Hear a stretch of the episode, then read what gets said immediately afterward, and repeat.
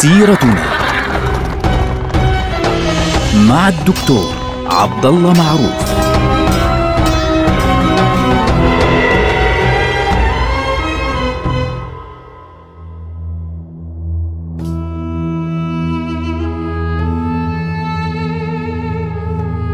السلام عليكم ورحمة الله وبركاته. سيرتنا سيرة هذه الأمة العظيمة ونحن الآن في عهد الدولة العثمانية وتحديدا في عهد السلطان سليم الثالث.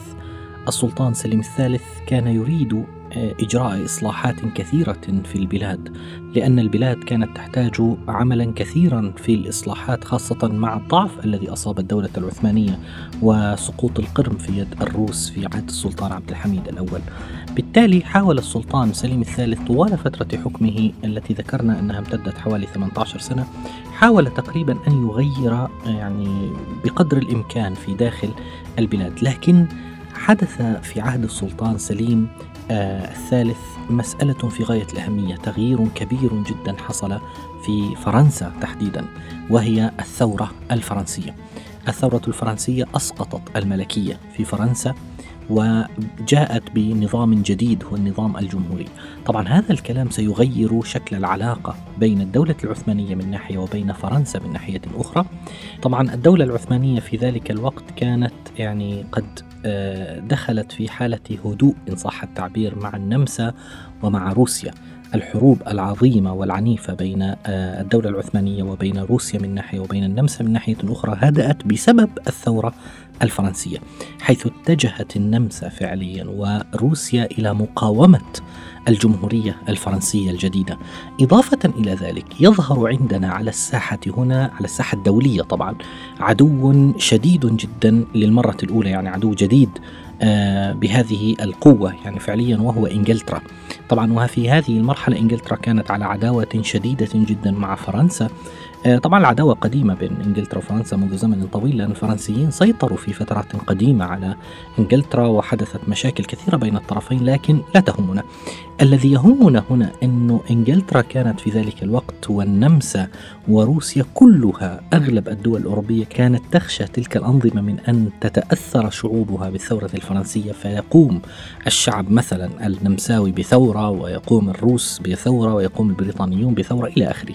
فلذلك كانت معاداة الجمهورية الفرنسية الجديدة شيئا آه، أساسيا فعليا.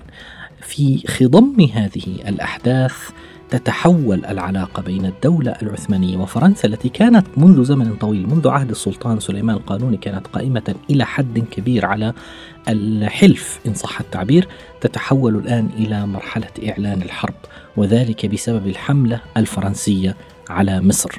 طبعا في ذلك الوقت نحن الآن في عام 1798 للميلاد. طبعا نحن الآن في عام 1798 يعني بعيد قيام الثورة الفرنسية بقليل.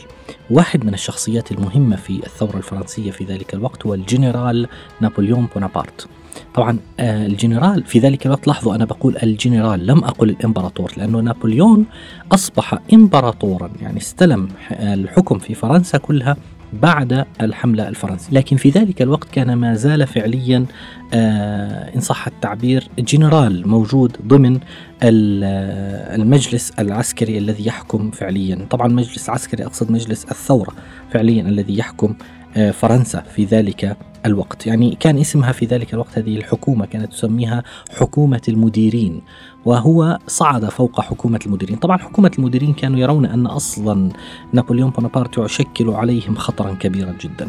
ولذلك نابليون بمجرد ما اقترح فكرة السيطرة على مصر والخروج باتجاه مصر.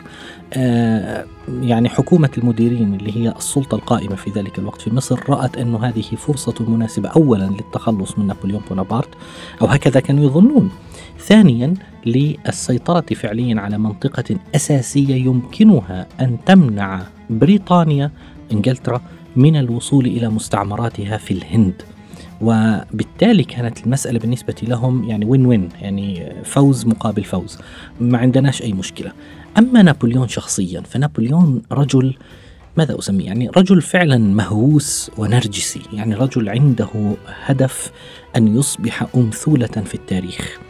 يعني هذا الرجل آه، يتميز بأنه كان عنده هوس بشخصيته عنده نرجسية عالية جدا. يمكنك أن ترى نرجسية نابليون بونابرت إذا نظرت إلى قوس النصر الموجود في آه، باريس في نهاية شارع الشانزليزيه اليوم معروف. هذا القوس أنشأه فعليا نابليون بونابرت وفي هذا القوس يعني هذا المبنى تستطيع أن ترى تماثيل رسمها يعني أمر برسمها نابليون بونابرت لنفسه على شكل إمبراطور روماني وأحيانا محاط بالآلهة آلهة الرومان يعني الرجل طبعا هو مسيحي لكنه يؤمن يعني ما عندوش مشكلة في آلهة الرومان والإسكندر الأكبر ويعني الفكرة الأساسية كانت تمجيد شخصية نابليون بونابرت. فكان يرى إنه لابد لكي يصل إلى عرش فرنسا إلى يعني ذروة الحكم في فرنسا أن يشكل فعليا انتصارا عظيما يمكنه من خلاله أن يكون له يد في فرنسا. ولذلك أقنع مجلس المديرين فعليا بأن يخرج في حملة كبيرة باتجاه مصر ويسيطر عليها. طبعا كانت الفكرة يعني هناك تقرير يعني قدم من رجل اسمه تاليران يعني قدم في الثالث عشر من شهر فبراير 2 عام 1798 يسبق بداية هذه الحملة. كان يقول في هذا التقرير إننا إذا سيطرنا على مصر وحصلناها يمكننا أن نرسل 15 ألف جندي فرنسي إلى مملكة تيسور في الهند لمساعدة السلطان تيبو في القضاء على الوجود البريطاني نهائيا. في الهند. بالتالي كانت الفكرة أن حكومة المديرين تريد السيطرة على آه، الطريق الواصل إلى الهند وبالتالي قطع الهند من يد بريطانيا والسيطرة عليها ونابليون بونابرت عنده مجده الشخصي الخاص به فعليا. تجمع لأجل هذه الحملة حوالي أربعين ألف جندي فعليا. ويذكر أنه كان معهم إضافة إلى هؤلاء الجنود بحارة يعني يبلغ عددهم عشرة آلاف بحار. في آه، ميناء طولون يعني اجتمع في ذلك الوقت ثلاثة عشر سفينة إضافة إلى أربعة عشر فرقاطة بحرية ضخمة وأربعمائة ناقلة جند كلها ستتوجه باتجاه آه، آه، مصر. لكن لازم ننتبه لنقطة يا إخواننا أنه كان في ذلك الوقت هناك أسطول بحري بريطاني إنجليزي موجود في البحر الأبيض المتوسط على عداوة شديدة مع فرنسا الجديدة، فرنسا التي يعني أصبحت الآن جمهورية، وهذا الأسطول كان بقيادة آه، رجل اسمه نيلسون. نيلسون هذا سيكون له دور مهم جدا في القضاء على الأسطول الفرنسي لاحقا. تحرك آه، نابليون بونابرت فعليا من آه، مدينة طولون يوم التاسع عشر من مايو اللي هو شهر خمسة عام 1798 متوجه موجها باتجاه مصر مارا بمالطا. طبعا مالطا نحن ذكرناها في حلقات ماضية وذكرنا أن فيها كان في ذلك الوقت يسيطر عليها مجموعة مسيحية من بقايا الفرسان الصليبيين تسمي نفسها هنا الآن فرسان مالطا. وهؤلاء يعني عندما وصل إليهم نابليون بونابرت طلب منهم المساعدة بالسماح للأسطول بأن يدخلوا الميناء ويأخذوا آه، ما يحتاجونه من ماء وطعام. فاشترطوا عليه آه، قادة آه، فرسان مالطا أن يدخل فعليا فقط اثنان من السفن في كل مرة وبالتالي نابليون لم يعجبه ذلك فأمر بغزو مالطا بالكامل. وبالتالي تحركت السفن الفرنسية ونزلت في مالطا في الحادي عشر من شهر يونيو اللي هو شهر ستة في عام 1798 1990 وبدأ الغزو فعليا في جزيرة مالطا. كان الضغط كبيرا جدا على مالطا ولم يكن هناك أكثر من يومين ثلاثة تمت السيطرة فعليا على مالطا لأن فرسان مالطا لم يكونوا قادرين على مواجهة جيش فرنسي كبير في ذلك الوقت إضافة إلى أن بعضهم كان فرنسيا.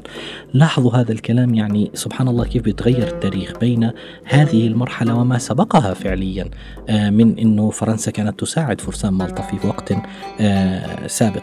الآن بدأ يتحرك نابليون بونابرت باتجاه الإسكندرية لكي آه، يصل إليها بسرعة شديدة قبل أن يكتشف من الأسطول الإنجليزي القريب. فبعد أن تحرك باتجاه الإسكندرية خلال ثلاثة عشر يوما وصل إلى الإسكندرية تقريبا قريب على الإسكندرية في يوم الأول من شهر يوليو شهر سبعة من عام 1798 كان بداية الغزو الفرنسي بقيادة نابليون بونابرت آه، مصر وكان النزول إلى الإسكندرية. طبعا بمجرد ما نزل إلى الإسكندرية كان له رسالة مهمة جدا تذكرها بعض الكتب والمصادر التي ذكرت في ذلك الوقت أنه يطلب من جنده أن يتعاملوا مع المسلمين بمنتهى الانفتاح وهذا شيء جديد في السياسة الأوروبية في ذلك الوقت. لأنه إحنا بنعرف أنه في العهد الصليبي في عهد الحروب الصليبية كان التعامل مختلفا تماما. ولكن نحن الآن في وقت جديد يعني أوروبا الحديثة في ذلك الوقت لم تعد محكومة فعليا بالنظرة البابوية الكاثوليكية المتشددة التي كانت موجودة في عهد الاحتلال الصليبي. لاحظوا نابليون بونابرت ما عندوش مشكلة حتى أن يتحدث عن الإسلام ويتحدث عن رسول الله صلى الله عليه وسلم. وكان يتكلم مع جنده بهذا المنطق تماما. يعني تذكر في إحدى الخطب التي خطبها فعليا بين قومه أنه عليكم أن تتسامحوا مع المسلمين. كما تعاملتم مع اليهود والإيطاليين من قبل.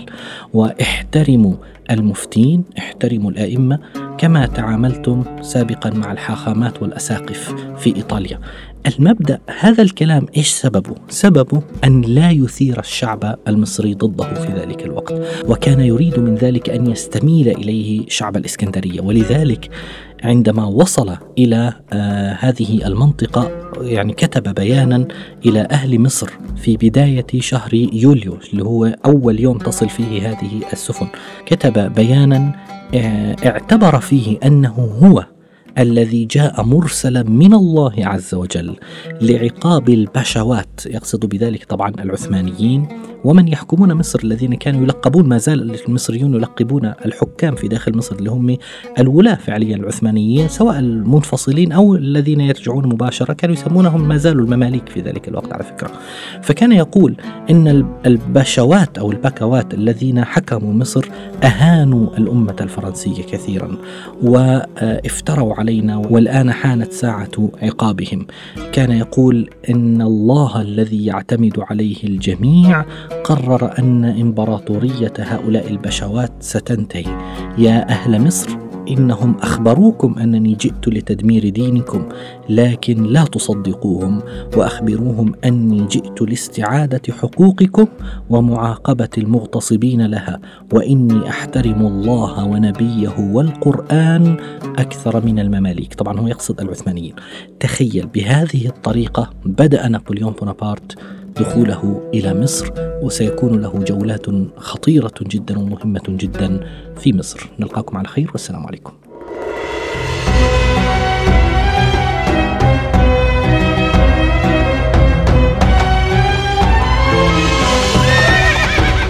سيرتنا مع الدكتور عبد الله معروف.